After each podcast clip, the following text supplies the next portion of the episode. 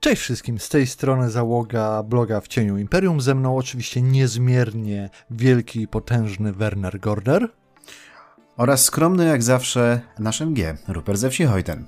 Tak, a dzisiaj chcemy z wami porozmawiać w ramach naszej serii o tym, jak prowadzić Warhammera, o potędze, o tym, czym ona jest, jak tak naprawdę, jak bardzo potężni mogą się stawać bohaterowie w tym świecie, w tym uniwersum, niezależnie czy chodzi o naszych bohaterów graczy, czy chodzi o te wszystkie legendarne postaci, które znamy ze stron podręczników do armii, książek i wszystkiego, co GW zechciało wypróć przez ostatnie 50 lat i zastanowić się, jak poszczególne statsy są widziane w różnych systemach w zależności od edycji, w zależności od tego, czy to jest właśnie Battle, e, czy zwykły RPG i na ile to się przekłada na różne systemy, różne ujęcia i co w zasadzie z tym wszystkim zrobić, gdzie ten manczkinizm się zaczyna, jak bardzo potężne powinny być pewne postacie, jak bardzo słabe i co my o tym wszystkim myślimy.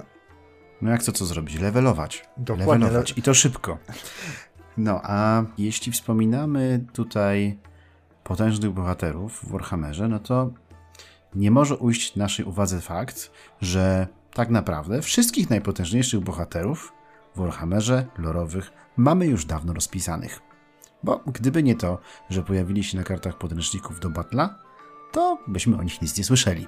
Dokładnie, zresztą się zgadzam, tym bardziej, myślę, że to jest bardzo fajny element właśnie Warhammera, wiesz, jako settingu, gdzie nowe postacie, nowi bohaterowie nie są jakby wprowadzeni i potem się tam pisarz musi zastanowić, jak go wprowadzić, jak potężny musi być ten przepotężny bohater, co to 20 książkę z rzędu morduje trole i nie potrafi umrzeć.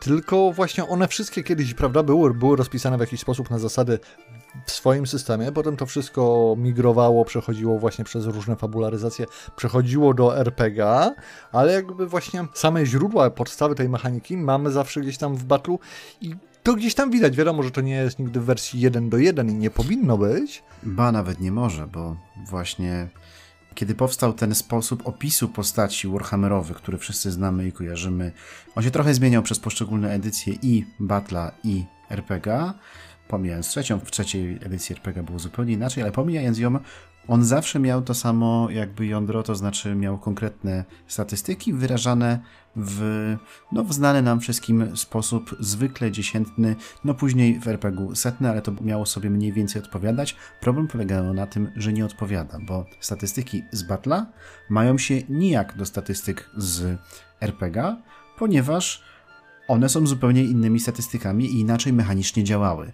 W battlu, jeżeli postać, bohater walczył z innym bohaterem, no to trzeba było rzucić kostkami i w osobnej tabelce sprawdzić, bo tam się rzucało kaszustkami, i w osobnej tabelce sprawdzić, czy jeśli ta postać ma 7 weapon skilla, a druga postać ma 6 weapon skilla, to na ilu oczkach dana postać drugą trafia.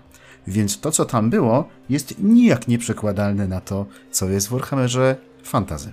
To prawda, bo właśnie o dziwo Battle to w zasadzie wprowadził nam niemalże rzuty przeciwstawne, na które w RPG musieliśmy czekać w zasadzie do czwartej edycji, prawda? Gdzie właśnie wzajemna różnica w danych umiejętnościach warunkowała nam jakby trudność testu. Im większa była różnica, tym łatwiej było nam e, oczywiście trafić. I to samo się potem tyczyło zresztą e, zadawanych obrażeń, prawda? Gdzie ta różnica w sile i wytrzymałości celu stanowiła o tym właśnie, jak wielkie są szanse, żeby były zadane rany. Jednak e, autorzy pierwszego już Batla mieli właśnie problem, jak to przełożyć.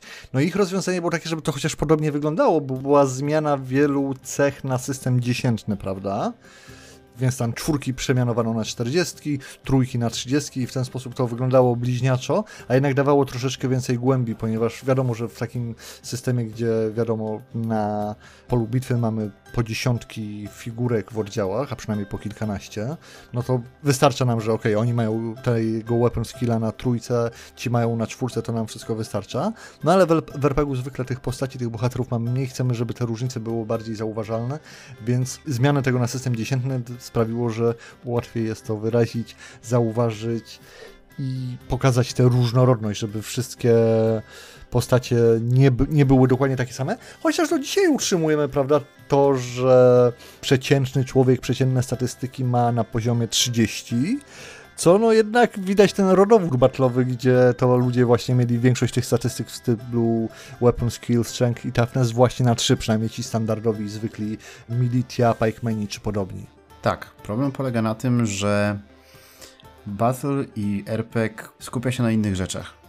O ile właśnie faktycznie mamy w Battle rozpisanych wszystkich największych, najważniejszych, najpotężniejszych bohaterów, to kiedy próbujemy to oddać w RPG-u, zaczynają się problemy. No bo tak, po pierwsze, tych ich statystyk nie można tak po prostu przepisać, no bo to nie jest do końca to samo, to była inna gra, inna mechanika, tu trzeba by to jakoś rozwinąć, jakoś bardziej pokazać, bardziej podkreślić to, jacy są potężni. To jest raz, a dwa, Warhammer jako RPG, głównym jego tematem jakby jest to, że ten świat jest no bądź bądź ponury i nie jesteś bohaterem największym. To nie jest epickie heroic fantasy. Oczywiście można tak w to grać i masz wszystkie rzeczy, których potrzebujesz do tego, żeby zrobić z Warhammera heroic fantasy. Jak najbardziej. Ale w takim świecie ten bohater z pól bitewnych Batla mocno odstaje ja wiem, że dla niego też jest tam miejsce, ale właśnie tu jest clue tego problemu, o którym myślę będziemy dzisiaj więcej dyskutować. Mianowicie to, jak taką postać w takim brudzie, smrodzie i błocie osadzić. Ja bym powiedział, że właśnie w Warhammerze jednak, co będzie mówić na ten heroizm i episkość miejsca zdecydowanie jest, tylko też trzeba właśnie wziąć pod uwagę po pierwsze fakt, że ci bohaterowie, których właśnie znamy ze świata, z pól bitew, to są już bohaterowie, mówiąc RPGowo, na końcu swoich karier, prawda? W tym szczycie rozkwitu umiejętności, zdolności i artefaktów, o czym za chwilę. Tutaj też taka informacja ciekawa a propos właśnie tego przekładania i tej potęgi danych bohaterów, to z tym już mieli wielki problem autorzy pierwszego wydania Warhammera Fantasy. Jeżeli chodzi o kwestię magii, o czym kiedyś rozmawialiśmy w jednym tam z naszych odcinków, dla nich był straszny problem, jak przełożyć czarodziei i ich zaklęcia, które normalnie miały tam atakować i w jakiś sposób niszczyć oddziały właśnie po kilkunastu żołnierzy, przełożyć teraz to na RPG, gdzie grupa przeciwników zwykle wynosi poniżej 10 dla przeciętnej drużyny w przeciętnym takim scenariuszu. Więc to jest druga różnica. Do tego jeszcze dodałbym taką rzecz, że ze wszystkich edycji Warhammera wydaje mi się, że czwarta mechanicznie najbardziej odstaje też od Battle i te statystyki najbardziej odstają z dwóch poważnych powodów. Pierwszy jest taki, że czwarta edycja, żeby pozbyć się tego zmęczenia rzucaniem, które nic nie daje, mhm. E, dała nam dodawanie umiejętności i atrybutu podstawowego, przez co dane, że tak powiem, statystyki osiągają wartości zaskakująco wysokie w porównaniu do poprzednich edycji, mówię tutaj o jedynce i dwójce, bo jednak zarówno w pierwszej i drugiej edycji, no to te liczby zdawały się być podobne. Ci ludzie z początkowym weapon skillem na 30, z takim średnim, mogli dochodzić do tego 50, może 60, jakby były to bardzo doświadczone postaci. I to troszeczkę trzymało też klimat tego, co mieliśmy w Battle'u, gdzie to 5-6 dla człowieka było tym jednym z, tak, jednym z najwyższych możliwych osiągnięć, prawda, to już był ten poziom legendarnych bohaterów typu Kurta Helborga, czy nie wiem, samego Imperatora. Mhm. W czwórce się to troszeczkę zmieniło, bo jakby sumujemy i atrybut goły, który wciąż jest troszeczkę podobnych, ale wciąż wyższych wartościach liczbowych i do tego jeszcze dochodzi umiejętność, więc teraz rewelacyjny szermierz może spokojnie mieć powyżej 90 czy nawet powyżej setki e, tam w umiejętności do walki. I to jak najbardziej pasuje do tego, jak mechanicznie ugryzła to czwarta edycja, a ta zmiana tak naprawdę wychodzi z drugiej zmiany, którą jest ograniczenie liczby ataków, ponieważ w czwartej edycji niejako z założenia wszyscy mają jeden atak. Ja wiem, że są pewne sytuacje i pewne talenty, które to zmieniają, ale to nie jest tak jak w drugiej i pierwszej edycji, gdzie tą samą statystykę ataków możemy podbijać za rozwinięcia, to z racji tego, że właśnie atak jest jeden zwykle, no to musimy sprawić, a przynajmniej e, zakładam, że projektujący grę chcieli sprawić, żeby były szanse, żeby on coś robił jeszcze w tym ujęciu w ogóle przeciwstawnych rzutów, co jest w ogóle inną kwestią, ale właśnie to jest ten rozdźwięk między tym, co było w Battle'u i się ciągnęło przez pierwsze dwie edycje młoczka RPG. Ponieważ Battle z racji tego, że zwykle rzucamy całą garścią kości, bo mamy, e, nie wiem, 15 pikemenów, którzy tam dziabią tymi dzidami, to oni mogą mieć relatywnie małe szanse, żeby trafić przeciwnika, ponieważ na tych 15 kości i tak kilka wejdzie. Z lordami oczywiście i z bohaterami legendarnymi to było rozwiązane w ten sposób, że oni mieli zwykle bardzo dużo ataków. Część z nich potrafiła mieć po 4-5 ataków, więc też mając te 4-5 kości, nawet jeżeli połowa z nich nie wejdzie, to ten nasz epicki lord jednak zawsze tam zabija wszystko wokół siebie, a przynajmniej część tego, co tam wokół niego się gromadzi.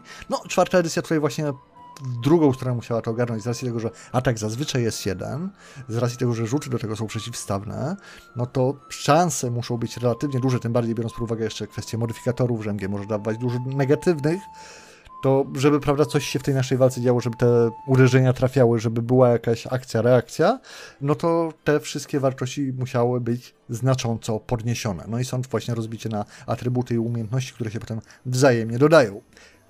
Niemniej jednak, pomimo tych takich e, dużych rozbieżności i w liczbach, i we wszystkim, wydaje mi się, że w dużej mierze jakby duch tego, czym jest potęga, siła i tak naprawdę jak potężni są bohaterowie, wciąż trwa w tych wszystkich edycjach zarówno młotka fabularnego i wiesz, wciąż widać to, co działo się na polach bitew, w jakiś sposób wydaje mi się, że wciąż przechodzi w Warhammera fabularnego. Oczywiście przy rozumieniu, że mówimy tutaj o prawda, porównujemy, jak porównujemy legendarnych bohaterów, to porównujemy ich do naprawdę bardzo potężnych postaci graczy.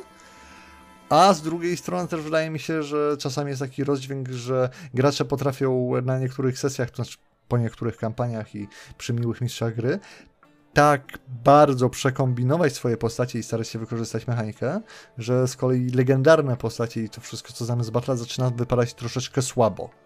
No, można odnieść takie wrażenie, zwłaszcza w ostatnim czasie po wydaniu Winds of Magic, prawda? W którym znalazły się też e, pewne statystyki, które wzbudziły pewne poruszenie, zwłaszcza na naszym Discordzie. na którego swoją drogą zapraszamy. Tak, bo to jest właśnie jeden z powodów, dla których powstał ten odcinek, ponieważ ludzie na Discordzie mówią rzeczy, z którymi ja się nie zgadzam i potem mówię, ej Werner, daj mi się o tym wygadać. spokojnie, spokojnie.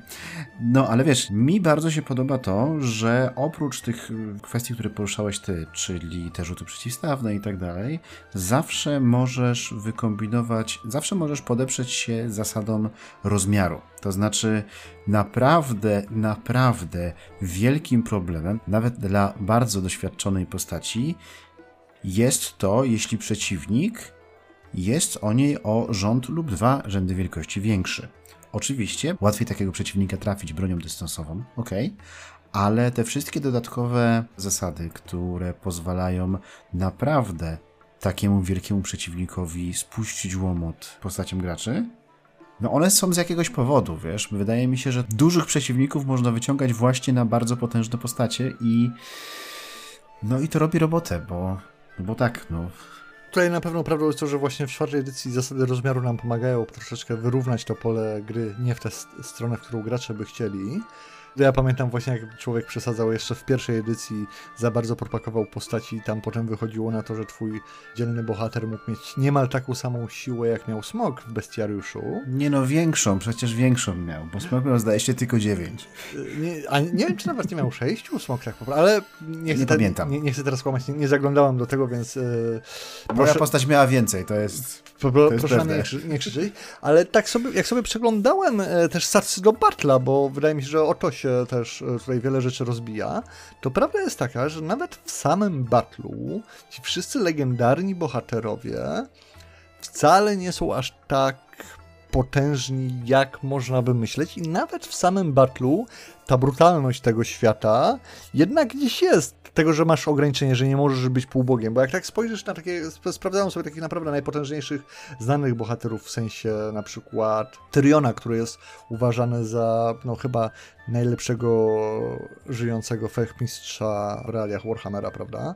To okay, on ma weapon skilla 9 i 9 na 10, czyli bardzo łatwo jest mu ze wszystkim walczyć, ale wiesz, ostatecznie wytrzymałości ma tyle samo, co każdy inny elf. Tutaj mówię o zasadach edycji od 6 w górę Batla, bo wcześniej mogło być troszeczkę inaczej. Ma rzeczywiście cztery ataki, dzięki czemu jest w stanie kłaść pokotem wielu przeciwników. No ale i ma cztery rany, co oznacza, że jedna kula z naprawdę dużego działa, albo wiesz, kilku pikietynierów, którzy mają szczęście, rzeczywiście mogą go wbrew pozorom relatywnie szybko położyć. Plus nie zapominaj o jednym drobnym szczególe, tam ta tabelka, w której porównywało się weapon skill atakującego i broniącego się, wchodziło na 2+, prawda? Tak, nigdy nie było pewnego Nigdy trafienia. nie było automatycznych trafień. Nawet Tyrion mógł nie trafiać. Tak, przynajmniej z podstawy, bo mo można było to potem modyfikować jakimiś zaklęciami, takimi dodatkowymi rzeczami. No E, tak, ale ale, wiesz- co do zasady właśnie nie było tak, że się zawsze trafiało. Tak. Podobnie na przykład Melekir, który fakt, fakt, oprócz bycia czarodziejem i jeżdżenia na smoku jest też wojownikiem, no to on ma weapon skilla 8, co okej, wiadomo, że jest dużo, no ale z drugiej strony Melekit ma jakieś 5000 lat, czy 6, czy 7, nieważne. Więc tak naprawdę ten górny pułap tych umiejętności nie jest jakiś absurdalnie duży, tym bardziej, że jak e, spojrzymy na na przykład Kurta Holdberga, to on właśnie ma weapon skilla 7, czyli tam o jedno oczko niższe od tego, prawda, tam Melekita, który ma 5000 lat, nie? Tak. Niemniej jednak każdy, kto grał w Battle'a, to wie, że taki Meleki, czy Kur, czy właśnie Tyrion, to potrafi się przeżynać przez te zwykłe oddziały na polu bitwy, jak po prostu, no, kosiarka przez przy- trawnik, tak. Mhm. Ale z czego to wynika? To nie wynika z tego, że te postaci są tak wspaniale potężne w tych swoich podstawowych atrybutach, tylko mają zwykle dwie rzeczy. Po pierwsze jakiegoś mounta w stylu właśnie magicznych koni, smoków, gryfów i podobnych potworów, a po drugie magiczne przedmioty i to właśnie te przedmioty i artefakty tak naprawdę sprawiają, że te postacie są niezmiernie potężne i niemal niezabijalne, chyba że toczą starcie z innym równie potężnym bohaterem, albo po prostu jest dużo pecha na kościach. W sensie, Pech na kościach to zawsze jest czynnik. tak, bo jakbyśmy wzięli właśnie zwykłego, że tak powiem, gołego Tyriona ze zwykłym mieczem i posłali go na bandę chłopów, to jego starcy już nie wyglądają tak dobrze. Jak ma tu swoją wspaniałą magiczną zbroję, magiczny miecz i amulet, który mu daje ward save'y i cholera wie co jeszcze, to tak, to jest to potęga nie do zatrzymania. Niemniej jednak, ostatecznie rzecz biorąc, najwspanialszy z istniejących, żyjących szermierzy, przynajmniej u Flanu, no ostatecznie po prostu jest bardzo dobry, ale jest tak samo śmiertelny jak wszyscy inni. Kontekście, wiesz, krytycznych obrażeń, pecha, latających pocisków z dział i, i podobnych rzeczy. I wydaje mi się, że to jest rzecz, która się pięknie właśnie przekłada na realia RPG i tego, co widzimy właśnie w czwartej edycji, która nam pokazuje dużo statystyk bardzo potężnych bohaterów e, znanych z lore, czy to mamy Elektorkę Nun, panią Liewit, czy pojawił się właśnie ostatnio zarówno Baltazar Gelt, jak i Tyrus Gorman, to te statystyki wyglądają jak statystyki potężnych postaci, które rzeczywiście już mają tam kilkadziesiąt sesji za sobą, ale wiele z tych statystyk jest też takie relatywnie do osiągnięcia, jeżeli gramy w Warhammera, prawda, w którym można grać długie kampanie, w których się dalej pakujemy, tak, a nie, że po pięciu sesjach wszyscy mutują i umierają tak czy inaczej. Tak. Wiesz, bo jeżeli gra się dłużej, no to zebranie kilku tysięcy punktów doświadczenia to nie jest coś niemożliwego do zrobienia. Naprawdę. I potem patrzysz się na tą swoją kartę postaci i nadal się człowiek zastanawia, że właściwie to z wieloma przeciwnikami nie ma żadnych szans. Serio. Ja to mówię z autopsji. No tak, no w kontekście jeden na jeden, ale tutaj też jest prawda taka, Tak, że... dokładnie tak. że wiesz, właśnie kwestia tych magicznych artefaktów, to są rzeczy, które wydaje mi się, że mocno e, zmieniają tak naprawdę pole bitwy, a poza tym ja osobiście uważam, że to jest właśnie rewelacyjne, że wiesz, jesteśmy w stanie postawić e, drużynę naprzeciwko takich właśnie legendarnych bohaterów. I nasza drużyna, nawet jak gracze mogą, wiesz, sobie pomyśleć, ok, ja sam z nim nie dam rady, ale już w czterech, w pięciu, wiesz, pokonać większą część właśnie tych legendarnych bohaterów, jest to relatywnie do zrobienia. Oczywiście tutaj wchodzi zasada tych magicznych przedmiotów. No i też fajne jest to, że ci wszyscy legendarni bohaterowie, jeżeli chcemy ich wprowadzać na sesję jako mistrz gry, to nie, nie działa to na zasadzie dedeków i proszę, tu jest Tiamat, w zasadzie nic jej nie możecie zrobić, bo jeszcze nie macie 20 levelu, więc bądźcie mili. Tylko, że ci bohaterowie, prawda, muszą pokazać, że są na tyle bystrzy i na tyle ogarnięci, że nie stawiają się w sytuacji, gdzie tych pięciu awanturników jest w stanie e, dokonać ich kopać po żywotu. prostu tak, Tak, do, dokonać ich w żywotu. ciemnej załuku. A jak są w stanie, no to w sumie fajnie, prawda? Z tego może wyjść fajna sesja, fajna kampania. I myślę, że to jest właśnie taki ogromny plus Warhammera i tego, jak te stacje są przedstawiane. I to, co robi też czwarta edycja, bo mi się właśnie bardzo podoba, jak wiesz, sprawdzam sobie. Znaczy też trzeba uczciwie przyznać, że te statystyki tak na pierwszy rzut oka nie wydają się takie potężne, ale jak potem zaczyna się podliczać pewne rzeczy, to jest tego dużo, więc tego grania jest naprawdę w cholerę. Ale właśnie uważam, że, to jest fajne, że jak mamy doświadczoną drużynę, to może ona próbować zrobić jakieś, nie wiem, przedsięwzięcie w stylu, nie wiem, porwać Baltazara Gelta, tak? Czy coś takiego, bo bo to jest do zrobienia i w sumie powinno być do zrobienia, bo ostatecznie to jest Warhammer, jest to brutalny świat, gdzie Baltazar Geralt jak utalentowanym czarodziejem by nie był, to wciąż jest on tylko ludzkim czarodziejem, tak? I grawitacja i inne rzeczy działają, działają na niego tak samo jak na wszystkich innych. My tak się odnosimy do tego, do tego batla, bo z batla to wszystko wyrosło. Natomiast y, wydaje mi się, że częścią, no nie powiem problemu, bo to nie jest problem, tylko tego, że niektórzy mogą wydawać się rozczarowani tym, w jaki sposób wyglądają postaci tych właśnie legendarnych bohaterów, kiedy ktoś już próbuje rozpisać ich statystyki.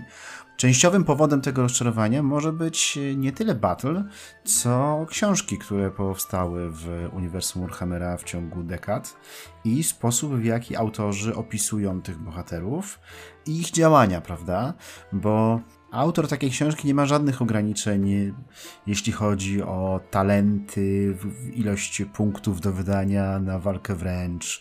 Nie musi się kierować zasadami tego, w jaki sposób postaci powinny nabywać nowe czary i dlaczego on może korzystać z dwóch lorów, dajmy na to.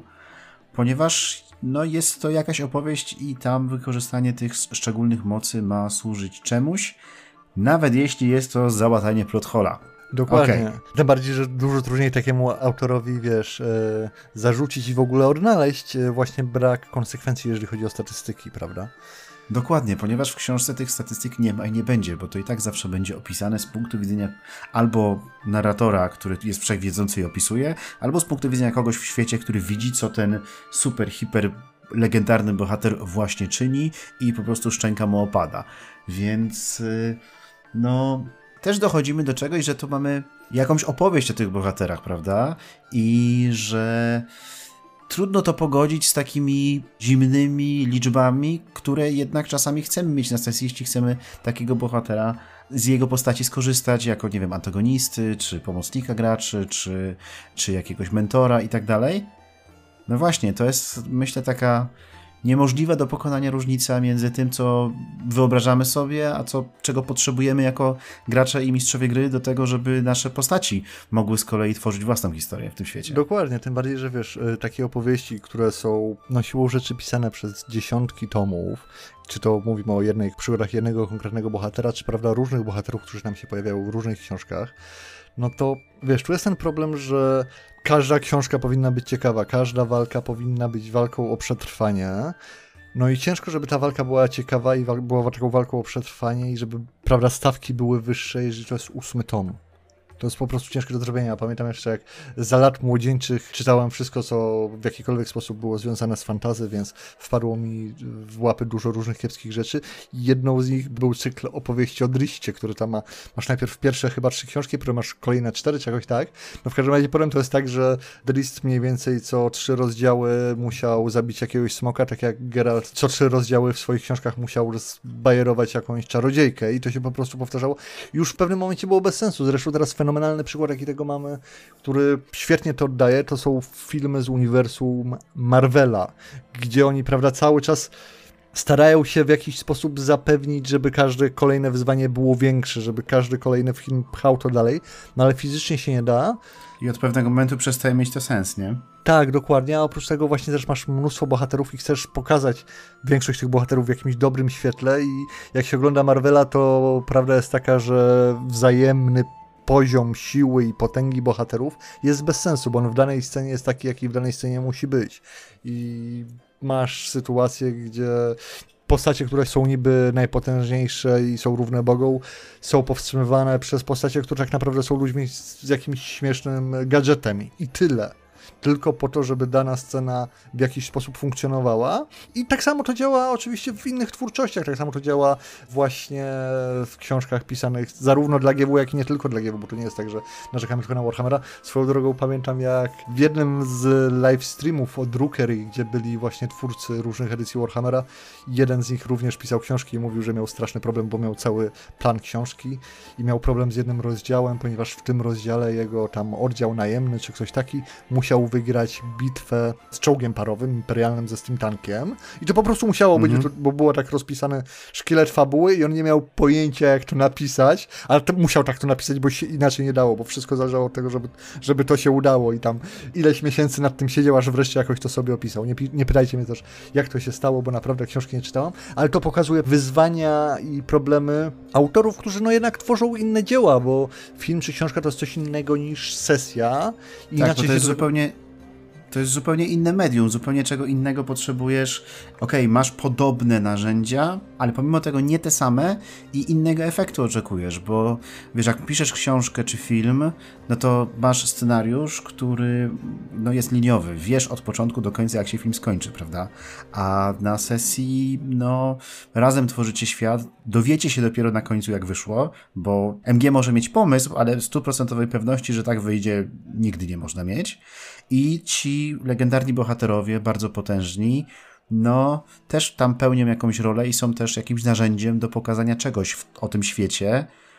No właśnie, czegoś, co wy chcecie w tym świecie pokazywać.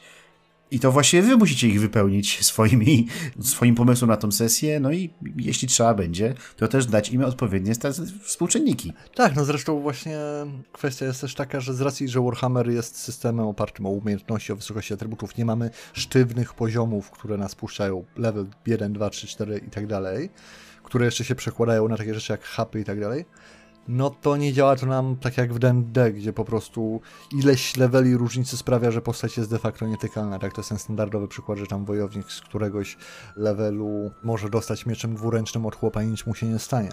Ostatnio krąży mem w D&D, że tam barbarzyńca, który wpadnie w furię, może skakać z jakiej chce wysokości, ponieważ siła upadku nie jest go w stanie zabić, nieważne jak wysoka skacze. Po prostu nie jest go w stanie zabić, bo matematyka tak, tak wychodzi.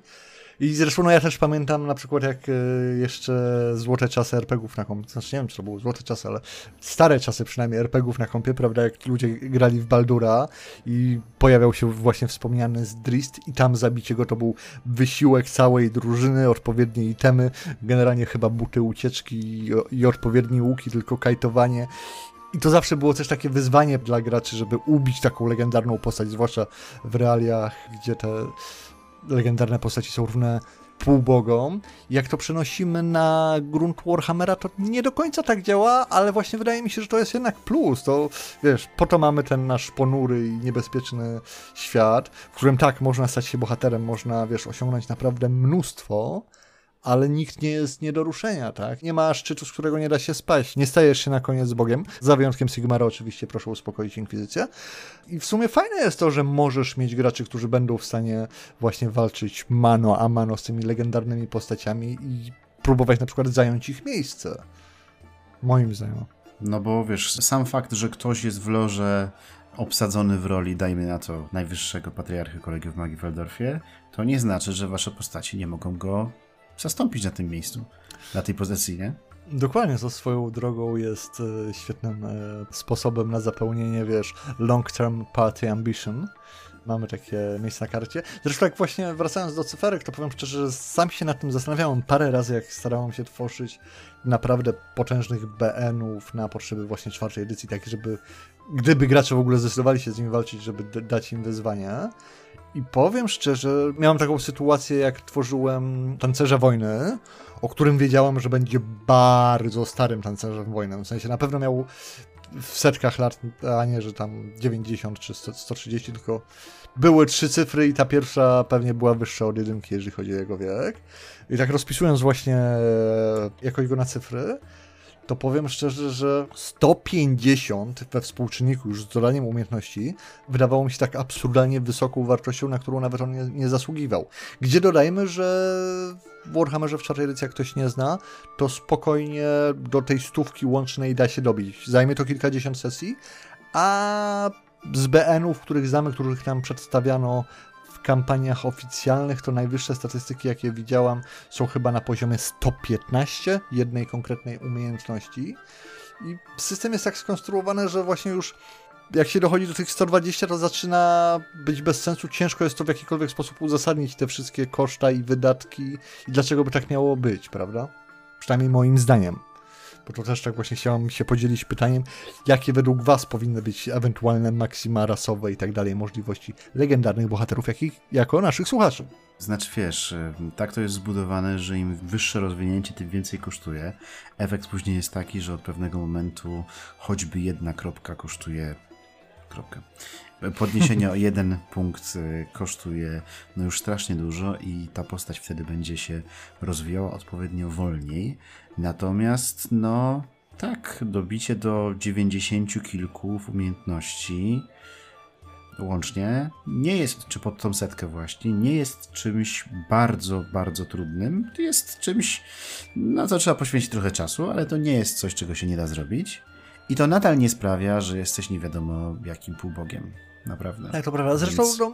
Myślę, że to jest akurat zbalansowane, bo późniejsze wydawanie, ok, możesz iść właśnie w te 130, 140, ale to będzie drogie. To wtedy będzie jeden punkt rozwinięcia za całą sesję na przykład. O. Albo dwie sesje po to, żeby rozwinąć o jeszcze jeden punkt. Dokładnie, potem oczywiście jeszcze dochodzi kwestia talentów i ich ponowne wykupowania. Co One też, też potrafią być przepotężne, tak? Tak, co bardzo, bardzo szybko podnosi ten. Ale właśnie podoba mi się to, że wiesz, że ostatecznie te postaci pozostają śmiertelne, pozostają jak najbardziej do zabicia. Ja rozumiem, że pewnie mechanikę czwartej edycji da się nagiąć tam z talentem Hardy, żeby tych e, wundów w cholerę e, wyciągnąć, Dlaczego ale... nagiąć? To jest, przepraszam bardzo, to jest, to jest w podręczniku, tak? Tak, no to prawda. Ale wiesz, ale ostatecznie rzecz biorąc, no to wciąż jest, prawda, jak najbardziej coś, do, co można ugryźć, co, co, co można zakończyć i, i tyle, no, w zasadzie. To, mówię, to te postacie zawsze zostają śmiertelne, nieważne jak potężne by były, jak stare nie byłyby w lore, jak ważne w nim by nie były. Przynajmniej tak długo, jak mówimy o postaciach relatywnie humanoidalnych. O, bo jest może taki uczciwy dodatek do tego, bo rozumiem, że w Warhammerze no też siłą rzeczy mamy smoki, nie smoki, mamy slanów jako, prawda, te wielkie żaby i tak dalej, więc są rzeczy, które ok, mogą wymagać troszeczkę innego podejścia, ale relatywnie takie, wiesz, grywalne rasy humanoidalne dają nam właśnie to, że ktoś może być rewelacyjny, a jednocześnie wciąż śmiertelny. Jak trochę w prawdziwym życiu. Tak, i chyba na tym będziemy kończyć dzisiejsze rozważania.